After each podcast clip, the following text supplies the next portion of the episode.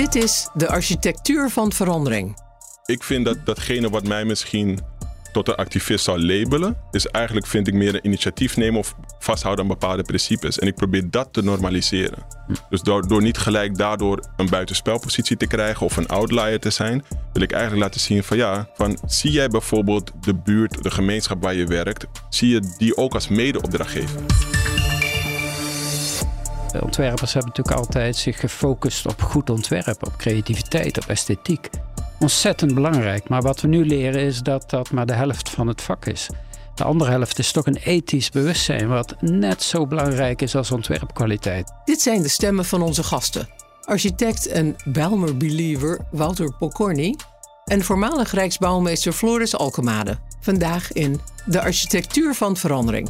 Mijn naam is Tracy Metz. Ik ben journalist en podcastmaker. De komende drie podcasts zijn onderdeel van de programmering rond de 10e Internationale Architectuur Biennale Rotterdam. De IABR richt zich op de toekomst van de stad. In deze drie programma's maken we een tijdreis van 100 jaar. In deze eerste aflevering zijn we in het nu. Vandaag richten we ons zoeklicht, samen met onze gasten en wie ik je zo meteen ga voorstellen, op de architectuur van het heden. Mijn co-host en metgezel voor vandaag is Saskia van Stijn, directeur van de IABR. Wat een eer, Saskia. Hey Tracy. Ja, leuk dat we hier staan. Dit is jouw eerste editie als nieuwe directeur van de IABR. Van harte. Vertel eerst even voor onze luisteraars die dat nog niet weten, wat is de Architectuur Biennale?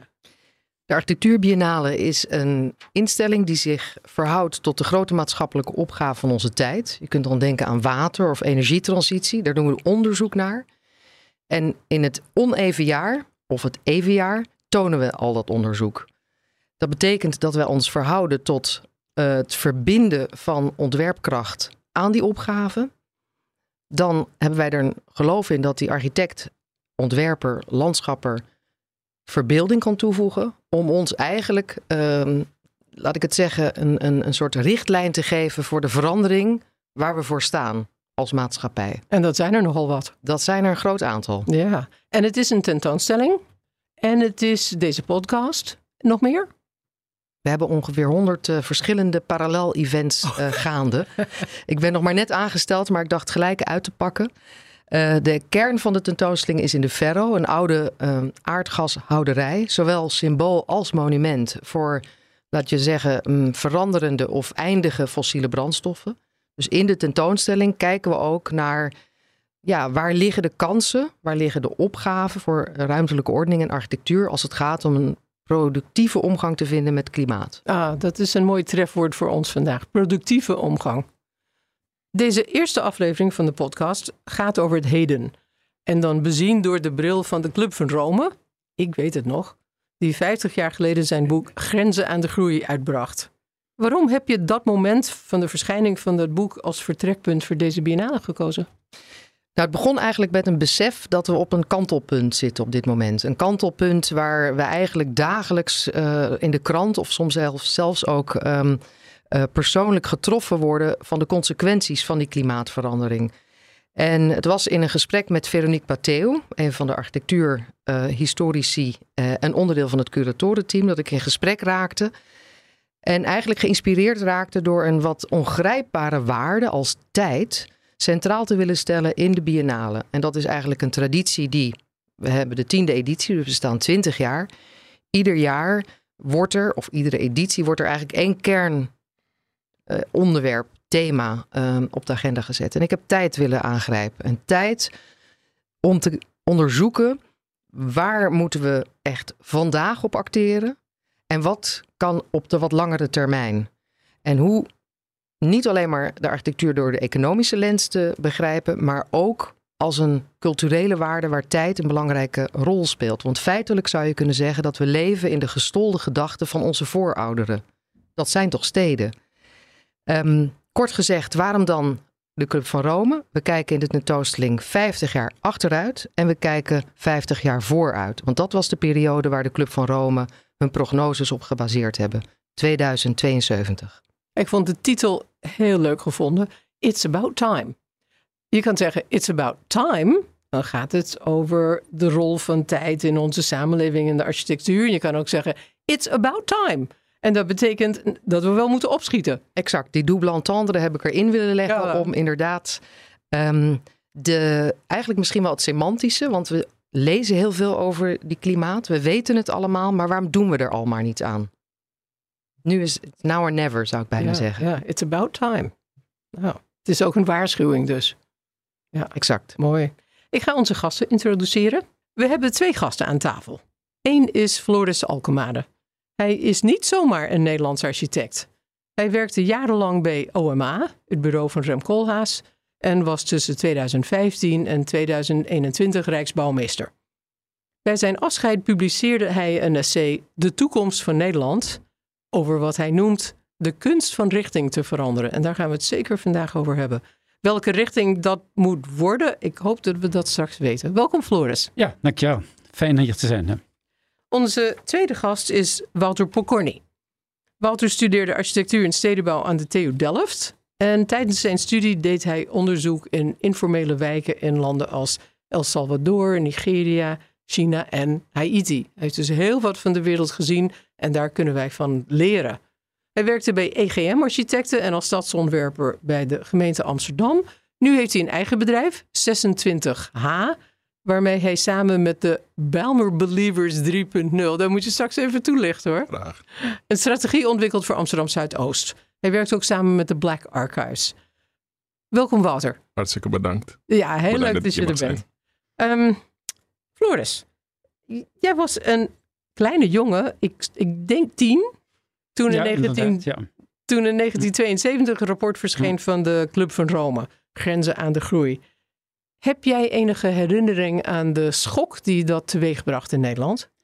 Nou, niet op het moment zelf. Ik was inderdaad tien en met totaal andere zaken bezig dan eh, de staat van de planeet. En, ik herinner me dat er een, aantal jaren later, toen ik in de brugklas zat, in, denk ik 1975 of zo, dat we een biologieleraar hadden, die toen de eerste schok van dat rapport al weggeëpt was, nog steeds dat vuur eh, levend hield en ons uitlegde wat er aan de hand was. En ik vond het een hele fascinerende mm, ontdekking dat de wereld om me heen niet volmaakt in elkaar zat. hè. Je had altijd het idee, boven mij is een soort organisatie God. of mensen waarin zaken kloppen. En het idee dat het allemaal niet klopte, dat vond ik eigenlijk heel erg boeiend. Eh, dit, eh, ook Was dat achteraf misschien het begin van jouw fascinatie met de kunst van het veranderen? Ja, in ieder geval ook eh, mijn fascinatie voor het kunst om het te onttrekken aan allerlei plichten waarvan ik dacht dat ze toch geen zin hadden. En eh, een soort vrijheidsgevoel en tegelijkertijd eh, het verantwoordelijkheidsgevoel wat er eigenlijk bij hoort. Dat heeft denk ik wat langer geduurd voordat dat ook opkwam. Als je naar Nederland nu kijkt, in het heden waar we het vandaag Hm. over hebben, zie je iets terug van dat omslag in het denken over toen? Heeft Ja, dat nog ja, steeds in Nederland iets teweeggebracht? Ik denk het zeker. Ik denk dat het toen eh, vooral eh, de urgentie was die enkele voelden. En ik denk dat het nu een urgentie is die eigenlijk iedereen voelt. En dat is een heel groot verschil. En ik heb ook als Rijksbouwmeester meegemaakt. Ik ben op zoveel plekken geweest, met zoveel mensen gesproken. En echt iedereen is bezig met deze vraag. Hoe kan ik het beter doen? En ik heb het wel eens gezegd, het lijkt wel een revolutie, een soort explosie in slow motion. Hè? Het, het, het hele bestaande stelsel spat uit elkaar. Heel langzaam, tergend langzaam. Eh, maar het is wel een revolutie en eh, daar gaan we heel veel lol aan beleven. Zei je evolutie of revolutie? Het is een eh, revolutie in het denken en een normale, hoopvolle evolutie in dat wat we misschien het lot van de mensheid noemen. Het besef dat we in de gaten krijgen wat er aan de hand is. Het besef dat we verantwoordelijkheid niet alleen moeten nemen, maar ook kunnen nemen. Eh, dat is echt veel betekenend. En ehm, dus achter al die enorme doemscenario's die deze tijd kenmerken, gaat een hele hoopvolle beweging ligt erachter. Namelijk van we gaan zaken anders aanpakken. En dat is een soort omwenteling die we maar zelden meemaken. Floris, wij hanteren in de tentoonstelling eigenlijk drie temporaliteiten. De voorouder, Hm. de activist en de accelerator als posities voor de architectuur waar we van kunnen leren. Misschien naar het verleden Hm. kijken, naar het heden, naar de toekomst. Ehm, je noemde revolutie, dat sluit al mooi aan bij die activist. Mijn vraag gaat eigenlijk even over de terug naar de toekomst. Het essay wat je hebt geschreven. Welke Welke rol speelt tijd daarin? En uh, hoe ver terug wil jij gaan voor het vinden van een nieuwe koers? Nou, ik, ik, zou eigenlijk terug willen gaan naar de tijd dat we als mensen nog met een zekere verfijndheid en intelligentie met ons landschap en onze steden omgingen. En uh, dat is misschien net voor de industriële revolutie.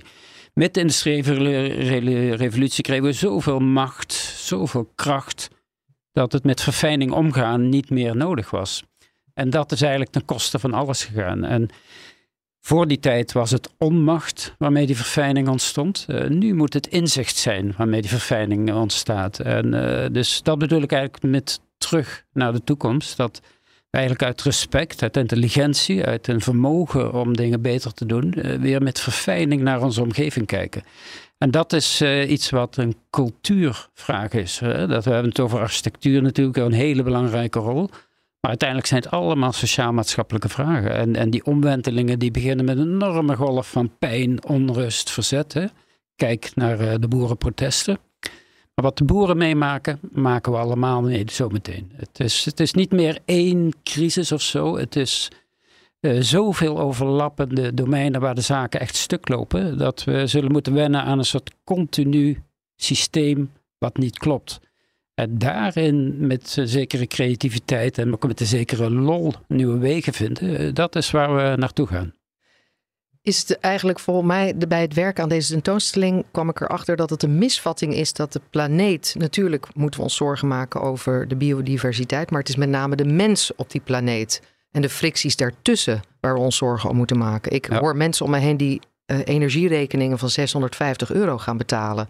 Nou, als je dan uh, een lager dan modaal inkomen hebt, heb je een stevig probleem. Nou, nee, uiteindelijk is het uh, allereerst een solidariteitsvraag. Hè? Want uh, alle welvaart die wij in, als ik het even de westerse wereld mag noemen, en Azië misschien, de welvaart die wij ons veroorloven, betekent dat de komende decennia 2,3 miljard mensen in gebieden komen te wonen die niet meer leefbaar zijn.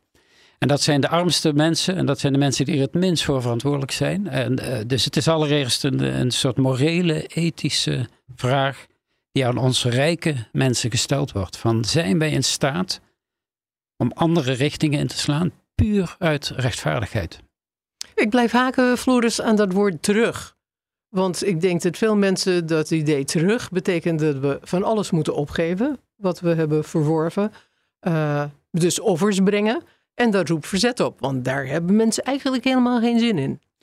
Nee, nee, maar ik denk dat het niet uh, terug is in de zin van we geven welvaart op.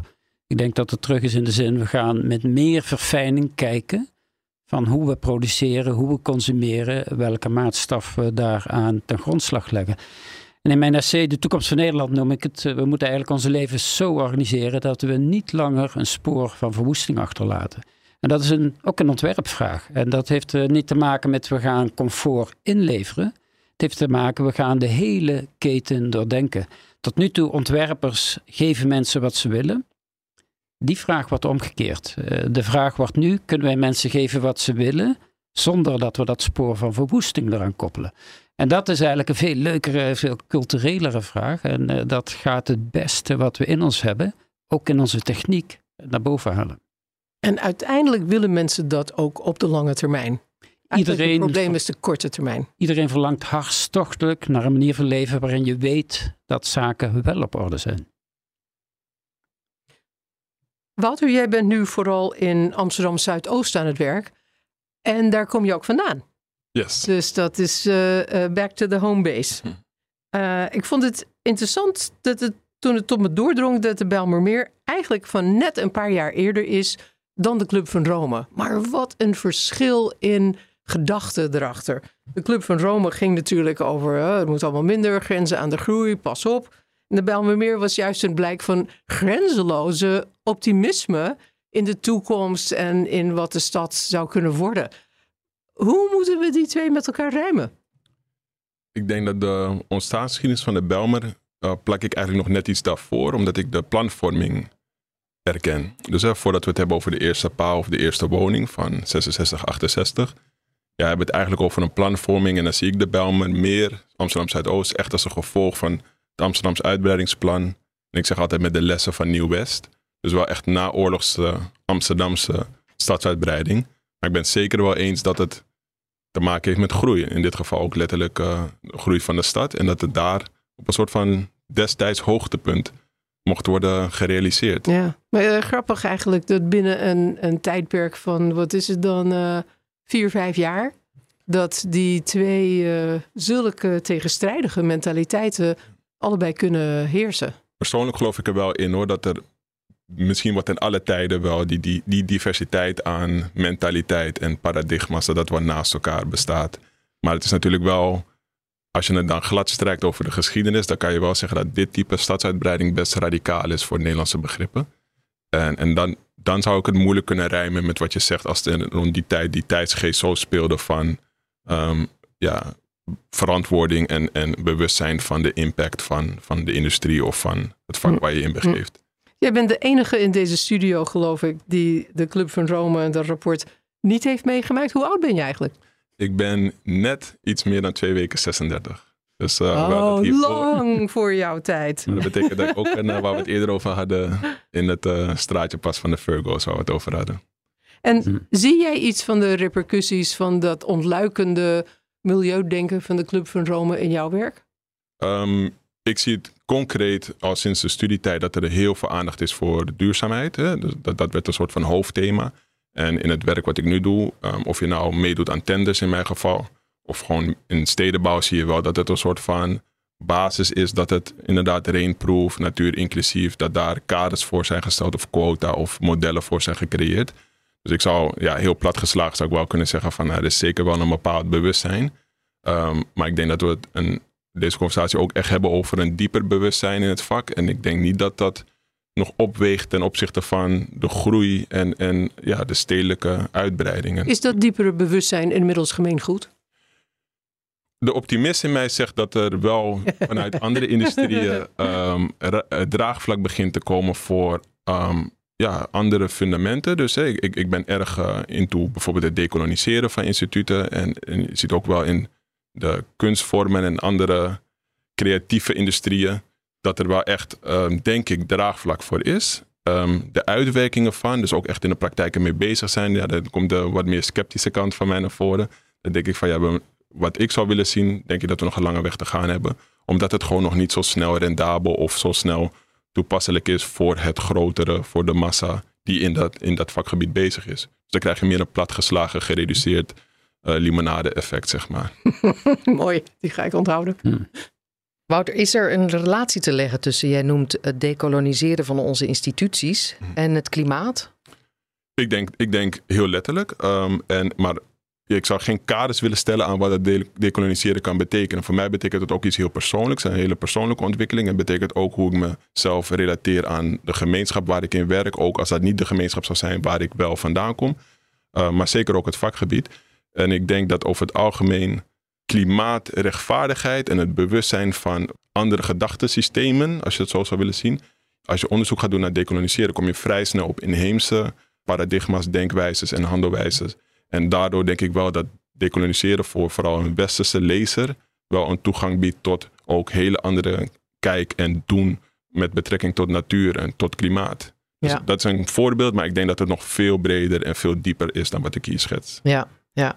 Ik wilde zo misschien nog iets vragen over de, onze materialen, maar misschien eerst eventjes over de rol van de architect. Want jij um, tast misschien wel aan de grenzen van hoe we die professie zien. Zou je eens iets kunnen zeggen over uh, je rol als community builder in het oplossen van, laat ik het zeggen, sociaal-maatschappelijke fricties en waar je tegenaan loopt in jouw werk als architect? Ja, ik probeer juist uh, mezelf niet te zien als een oplosser. ik probeer juist een werkmethode en, en een methodiek te ontwikkelen, te blijven ontwikkelen, die heel erg, uh, ja, academisch gezegd reflexief, die zich heel erg aanpast aan, aan de context, aan de opgave. En dan, wat betreft community building is soms voor mij gewoon het excuus, een mooi excuus om te zeggen van ik blijf doorgaan met het werk. Want ik zie eigenlijk een bepaalde urgentie specifiek waar ik nu werk. Dat er veel meer bewustzijn of informatie moet worden gedeeld over die dingen die wat er nu speelt. Dus als ik een project krijg, ja, dan dat zie ik als een uh, opgave. Maar community building kan ik heel goed koppelen aan projecten en soms wel aan eigen initiatieven. Dus ja, um, binnen, binnen een gemeenschap iets van de grond krijgen of mensen bij elkaar brengen, dat biedt gewoon heel veel mogelijkheden om bepaalde vraagstukken ook echt te bespreken, misschien ook wel direct naar te handelen. Maar de rol van de architect, want daar ging je vraag over, sorry. ik, uh, ja, je zoekt de grenzen op binnen die ontwerpopgaves. En in mijn geval zit ik ook wel heel erg tegen eigenlijk voornamelijk de onderzoeksopgaves. Dus bij mij zet ik nu even stedenbouwkundig en architect een beetje naast elkaar. Ik heb veel meer stedenbouwkundige opgaves, denk ik. Maar um, ja, deels zou ik zeggen van materiaal is inderdaad een van de belangrijkste dingen dat daar bewustzijn in komt. Daar ben ik veel minder mee bezig. Ik ben echt wel bezig met de sociale invalshoek. En dan denk ik dat je, wanneer je naar participatie kijkt en typologieën, dat er veel meer input nodig is. Lijkt me ook mooi om deze vraag aan Floris voor te hm. leggen over de rol van de architect. Je bent zelf architect, hoewel je nu eigenlijk meer vaderlandsdenker bent hm. dan echt uh, ontwerper in de alledaagse praktijk. Hoe zie jij de rol van de architectuur in het oplossen van deze issues? Nou, ik denk dat um, het tijd wordt ook daarvoor een grote omwenteling. Ik heb het idee dat uh, de ontwerpwereld en zeker de architecten de afgelopen decennia uh, volledig uh, geassimileerd zijn met het marktdenken. En dat er een soort willoze, slaafse navolging is van, van een marktmechanisme waarin architecten geen eigen stem meer hebben. En dat is een, een totaal doodlopende weg. En uh, wat we zien aan de vragen die we nu op ons afkrijgen, de klimaatverandering, de biodiversiteit, segregatie, et cetera, et cetera, dat vragen lange termijn blikken en dat vragen integrale manieren van denken. En nog de politiek, nog de markt zijn daartoe in staat. Te kortademig, geen visie. Wie dan wel? De ontwerper. Dus ik heb het idee dat er een derde macht moet ontstaan en dat de ontwerpers die rol moeten gaan claimen. Uit verantwoordelijkheidsbesef, maar ook vanuit het besef dat de creativiteit en verbeeldingskracht die nu nodig is, gaat echt niet uit de politiek en echt niet uit de marktmechanismes komen. Dus we moeten daar een rol oppakken. En dat betekent uh, het juk afwerpen en, en zelfstandig gaan nadenken, een eigen agenda maken, relevantie zoeken. En zorgen dat de markt en de politiek ons volgt in plaats van andersom. Je bent nog altijd afhankelijk van een opdrachtgever voor architectuur. Maar dat is een wederzijdse afhankelijkheid. En uh, opdrachtgevers hebben wat dat betreft ook niet de wijsheid in pacht. En ze voelen de kwetsbaarheid. En ook zij zijn op zoek van hoe kunnen we verantwoordelijkheid nemen. En een opdrachtgever zal grotendeels werken en ook zijn opdrachten formuleren aan de hand van de modellen die hij kent. Het is taak dat de ontwerper zegt van ja, maar de vraag kan ook op een andere manier gesteld worden. En er kunnen ook andere vragen gesteld worden. En dat moet onze rol worden zelfstandig initiatief nemen en zorgen dat er weer een relevantie in deze beroepsgroep komt. Ik wil dan toch heel even inspringen, want hm. ik had gisteren een gesprek met de oprichter van Studio Nauta. Hij werkt eigenlijk heel erg veel met hout. En um, stelde hem de vraag: waar loop je nou tegenaan in het, in het bouwen met nieuwe materialen? Want dat is een van de trends die we op dit moment zien. Dat grond, grondgebonden materialen, of dat er bewustzijn komt dat we misschien niet ons plastic naar Indonesië moeten exporteren of um, wat, wat zaken wat dichter bij huis uh, te houden. En ik vond het eigenlijk heel erg fascinerend dat het eerste wat hij noemde was de beperking in regelgeving. En het tweede waar we dan tegenaan lopen is dat ons vak is heel erg traag, dat is prachtig. Maar een zeker conservatisme moeten we ook kunnen erkennen. En de omwenteling waar je zou kunnen zeggen de bouwsector eigenlijk om vraagt, die hangt weer samen met natuurlijk belangen. Of het nou gaat om grondposities of uh, betonfabrieken die afgeschreven moeten worden. Dus ik ben eigenlijk heel erg aan het zoeken op dit moment ook van waar kan die verbeeldingskracht, waar Floris over spreekt, waar kan die inderdaad ja, een, een, een pad voor de toekomst, waar we, waar we allemaal um, een, een rol te spelen hebben. En die, dat verandering, ik zou bijna willen zeggen, maak verandering sexy. Dat die, dat die uh, verbeelding als het ware onderdeel is van een begeerlijke toekomst waar je allemaal een steentje aan bij wil dragen. Omdat ik hoor in ieder geval heel erg veel mensen om me heen die zich zorgen maken over nou, de planeet en, en hun, hun rol willen pakken in het ja, aanwentelen. Dit is niet echt een vraag, sorry. Maar ik, ik uh... Nee, nee, maar ik, ik, herken heel erg dat beeld. Hè? En, uh, dat, je, dat je vernieuwing zoekt en dat je het idee hebt dat je kniedipt door de modder moet waden van regelgeving die vooral belemmert dat wat logisch wenselijk zou zijn. En, uh, dus ook daarin denk ik, uh, ken je zelf een zekere wetteloosheid toe op het moment dat je overtuigd bent dat die regels wel kloppen. En ga de confrontatie aan. Hè? En, uh, Kafka zei het heel mooi, paths are made by walking. Hè? Hij zei het vast in het Duits trouwens, maar je maakt een pad door het te lopen. Ga de route waarvan je overtuigd bent, vanuit een passie, vanuit een inzicht, vanuit je verbeeldingskracht, dat je denkt dat moet het zijn. En laat je door, door God nog gebod tegenhouden op het moment dat je denkt dit moet het worden. En uh, daarin zie je dat iedere keer regelgeving vaak ook niet beperkend is door de regelgeving, maar door de interpretatie van de regel. En daarin kun je vaak ontzettend veel manoeuvreerruimte vinden. En als er iets is waar de Nederlandse cultuur goed in is, is het ontduiken van regels natuurlijk. Ja, zeker. Walter, ik zag in een uh, interview in de Bali dat jij uh, omschreven werd als uh, grassroots architect, onderzoeker en activist. Ik en ik ben benieuwd wat jullie, of, of, jullie je allebei als activist zien en wat dat inhoudt nu. Ik weet welk interview je bedoelt. En ik, ja, ik ben eigenlijk nu meestal een bio of een cv meestal stuur ik dat nu vooraf. Want uh, ik, ik, ik probeer zelf niet het label activist aan mij te plakken. Daar heb ik meerdere redenen oh, voor. Ik dacht dat dat juist een geuzennaam zou zijn. Deels, maar het is ook een manier uh, om, zeker als je een eenling bent in bepaalde conversaties, om je ook een beetje te pacificeren of ja, je, je, je, je weg te stoppen als een soort van contra of dwarsligger. Um, en, en ik probeer juist een bepaald gedrag. En ik vind het heel mooi wat Floris net ook aangaf. Mag ik Floris zeggen? Ja, natuurlijk. maar ik vind het heel mooi omdat het een soort van ik vind dat datgene wat mij misschien tot een activist zou labelen, is eigenlijk, vind ik, meer een initiatief nemen of vasthouden aan bepaalde principes. En ik probeer dat te normaliseren. Hm. Dus door, door niet gelijk daardoor een buitenspelpositie te krijgen of een outlier te zijn, wil ik eigenlijk laten zien van ja, er zijn bepaalde principes. En bijvoorbeeld, um, wat ik hier ook voor mezelf e-, even heb opgeschreven, van zie jij bijvoorbeeld de buurt, de gemeenschap waar je werkt met een architectuur of met een project, zie je die ook als medeopdrachtgever? Vind je ook dat je verantwoordelijkheid moet afleggen naar, naar die mensen, misschien wel ook niet-mensen.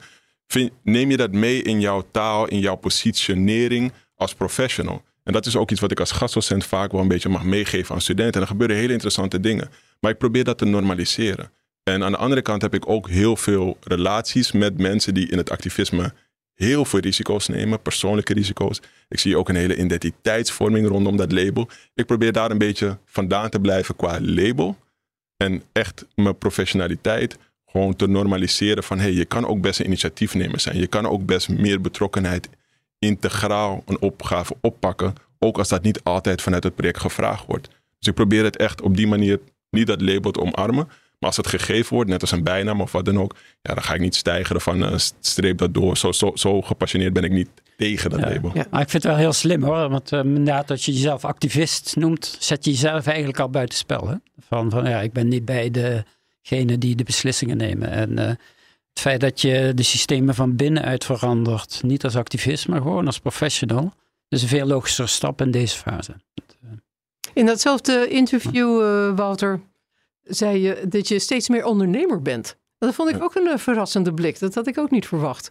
Ja, omdat ik eigenlijk dus zie van ehm, de mensen die ik wil bereiken, en dat zijn dan metaforisch gezien, zijn dat de stille meerderheid. Hè, en een beetje, ik probeer aan te sluiten bij wat er gebeurt. Dus als er gewoon een initiatief is, dan probeer ik uh, een rol van betekenis te spelen binnen, laten we zeggen, een deel van zo'n gemeenschap of van een, van een initiatief. Laten we daarbij houden. En ik zie dat ik vaak wel een rol van betekenis kan spelen. Dus dan, word ik of mede-initiatiefnemer of ik ga jouw project proberen te versterken. Andersom probeer ik ook heel letterlijk gewoon bij bijvoorbeeld grassroots organisaties aan te sluiten. Als zij mij vragen om hun, in dit geval praat ik over de kazerne in Rijgersbos. Zij geven mij de opdracht van kan jij ehm, met ons helpen een manifest te schrijven hoe wij verder willen groeien. Nou, dan word ik onderdeel van het team door daar in ieder geval ook een flexwerkplek te vragen. Door daar af en toe te zitten en heel veel in die informele sfeer te observeren.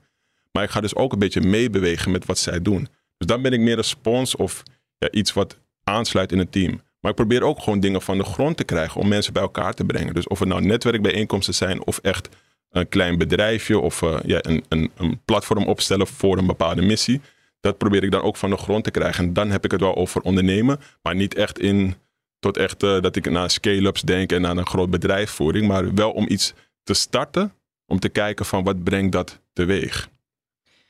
Je noemt net uh, verdienmodellen en daardoor moest ik denken aan een van de projecten in de tentoonstelling van Superuse Studio, die eigenlijk uh, een heel oeuvre, nu al 25 jaar lang, bouwen rondom circulair en duurzame architectuur te maken. En wat ik inspirerend vond is in hun voorstel komen ze er eigenlijk op dat we misschien belasting moeten gaan heffen op materiaal en niet op arbeid. En dan wordt het ineens weer interessant om een aantal spijkers aan de oude balk te halen in plaats van een nieuwe te kopen. Dus dit soort voorbeelden zijn heel klein, maar als we dat natuurlijk op de schaal um, van heel Nederland of idealiter, heel, nou, in sommige delen van de wereld gebeurt dat natuurlijk al door schaarste. Um, maar meer om te zeggen dat zo kan een architect eigenlijk ruimte vinden, voorzet doen voor, uh, zoals Benjamin zei, uh, de, de, de crisis wordt pas een catastrofe als we hem niet gebruiken. En ik hoop eigenlijk dat we nu inzien met elkaar dat die crisis een kans uh, kan zijn voor ook een interessant nieuw businessmodel. Eens, Wouter?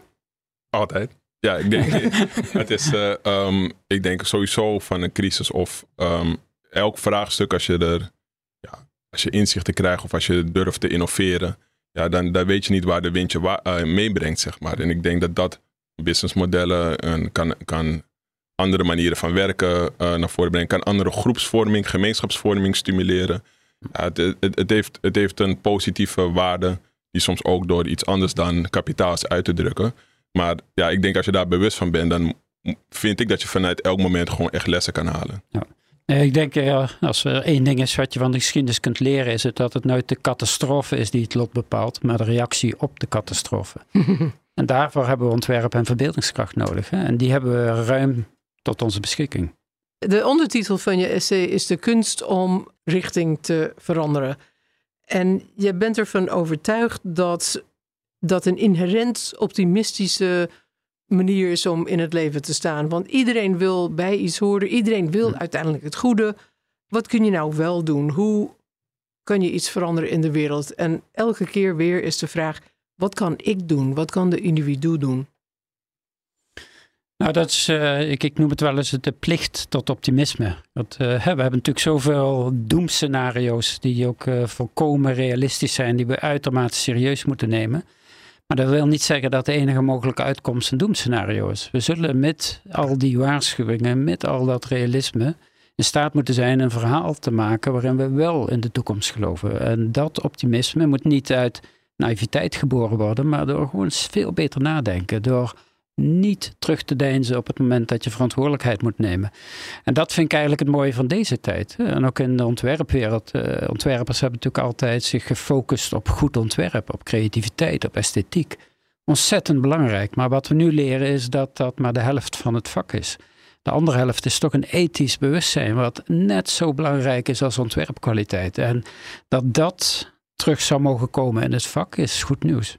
En in de Belmer Wouter, jij hebt daar met mensen te maken die niet waarschijnlijk tot de welvarendste Nederlanders horen. Geen quote 500, denk ik. Die hebben zorgen, misschien schulden, straks de energieprijzen, de voedselprijzen. Is er dan, hebben die mensen dan ruimte in hun hoofd voor dat optimisme wat Floris zo mooi onder woorden brengt? Um, dat is een hele goede vraag. Ik uh, zou dat ja, alleen maar kunnen aanvoelen. Ik denk dat uh, ja, je mensen nooit echt kan onderschatten. Dus aan de ene kant komt die verbeeldingskracht ook uit hele onverwachte uh, hoeken.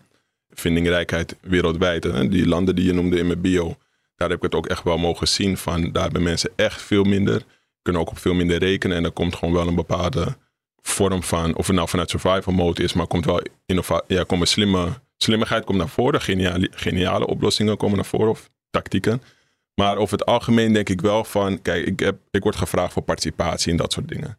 En het is wel algemeen bekend dat mensen die in die survival mode zitten of echt met armoede te maken hebben, die hebben niet de luxe qua tijd en ruimte om dan te, ook, ook nog eens over abstracte dingen te gaan um, ja, meedenken, meepraten. En worden ook nog wel vaker vanuit hun profiel dan uh, ja, gezocht. Hè? Dus nog niet zozeer voor, vanuit inhoudelijke toevoegingen. En dan moet je je natuurlijk ook, vind ik heel mooi, ethisch verantwoorden. Vind ik ook naar jezelf ja, zit je daar dan bijvoorbeeld als professional? Word jij notabene dan als enigste betaald voor een meeting waar eigenlijk mensen um, misschien wel hun, een paar vrije uurtjes dan voor besteden om eigenlijk jou te voorzien van informatie, wat misschien inhoudelijk nog ineens iets is waar jij heel veel meer mee gaat doen. Dus waarvoor zit je dan dit alles te organiseren? Nou, Ik denk dat jullie wel een beetje kunnen volgen wat, ik, uh, wat voor een participatie ik dan bedoel. Maar over het algemeen om je vraag te beantwoorden van ja, je, je kan wel gewoon ook letterlijk vanuit een grove schets, vanuit data en dergelijke, kan je wel inschatten van ja, mensen zijn hier gewoon niet mee bezig. Maar ja, ik zei al, eh, de, de essentiële vraag zal een solidariteitsvraag zijn. En eh, de, de armste mensen zijn niet degene die verantwoordelijk zijn voor deze crisis. En wat dat betreft, uh, ik zou er echt voor willen pleiten dat de rijkste helft van Nederland alle kosten van de verduurzaming opneemt. En dat we die armste mensen daar ook gewoon niet mee belasten. Die hebben genoeg aan hun hoofd, genoeg problemen. En uh, ze zijn niet de schuldigen. Dus laten we die verantwoordelijkheid ook nemen. Want als we dat niet op de juiste manier doen, dan uh, komen we er echt niet uit. Wij zijn op dit moment, ehm, ik sluit even aan bij wat jullie zeggen, om het heel concreet te maken, anders blijft het zo abstract. Maar we zijn werkzaam in een, in een wijk in Rotterdam, Bospolder Tussendijk, een van de zes armste wijken, waar de energietransitie van het aardgasvrij, aardgas afkomen als eerste wordt doorgevoerd. Dus dat um, daar kun je natuurlijk van denken, waarom daar?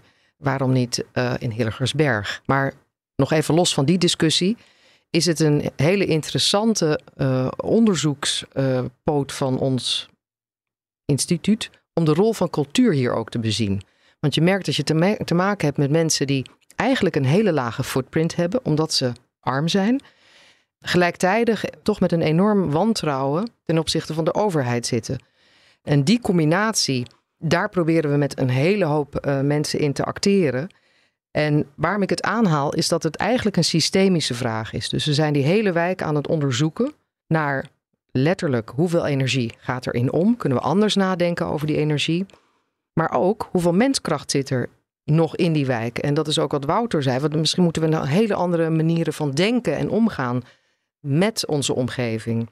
Maar daar wil ik wel bij zeggen als het gaat over de rol van de cultuur, of hoe ik mijn culturele instelling zou willen zien, is dat wij dan ook een luis in de pels moeten zijn. Dus ik ben aan het kijken van wie zijn eigenlijk de aandeelhouders van die energiebedrijven, van die nieuwe aardgas, of de, sorry, die waternet. Dus je moet eigenlijk durven te graven om de werkelijke vraag op tafel te leggen, zodat je die mensen inderdaad ja, niet verder benadeelt, maar juist emancipeert. Ik heb voor jullie alle drie tot slot een misschien een moeilijke vraag. Ben benieuwd. Wij hebben het in deze eerste van de drie podcasts gehad over het heden, het nu. De volgende, onder leiding van Dirk Loorbach, uh, hoogleraar transitie aan het Centrum Drift aan de Erasmus, gaat over de toekomst. Wat geven jullie Dirk mee?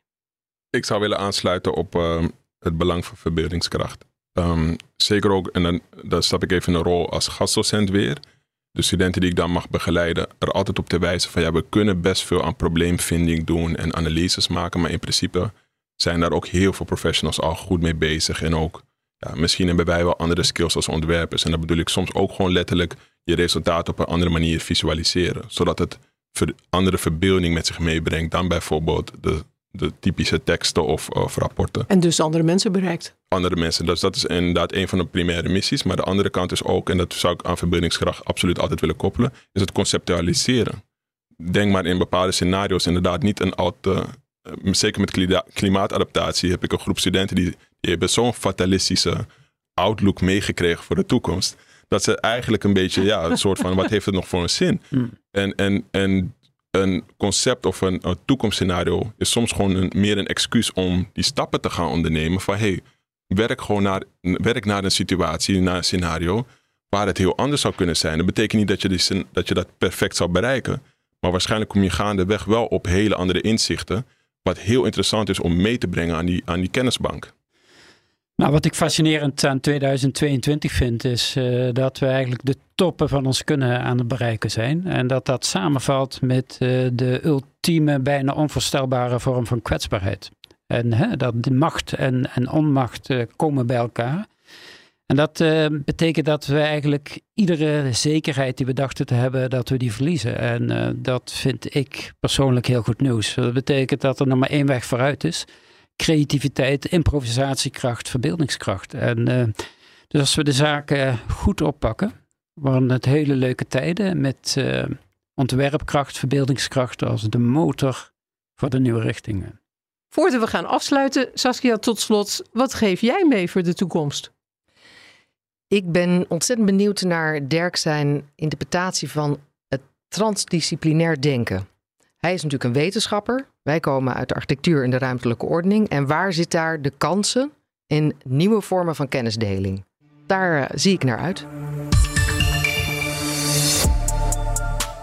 Dankjewel, Walter Pokorny als onze gast, Floris Alkemade onze gast en mijn tafeldame Saskia van Stijn, directeur van de Internationale Architectuur Biennale Rotterdam, de IABR. De volgende podcast, de tweede in de serie, wordt zoals ik zei geleid als mijn tafelheer Dirk Lorbach van de Erasmus. En daarna de derde is mijn tafeldame Veronique Pateo, architectuurhistorica. Die zal spreken over de architectuurgeschiedenis als inspiratie voor heden en toekomst. Ik ben Tracy Metz. Dank voor het luisteren en tot de volgende keer.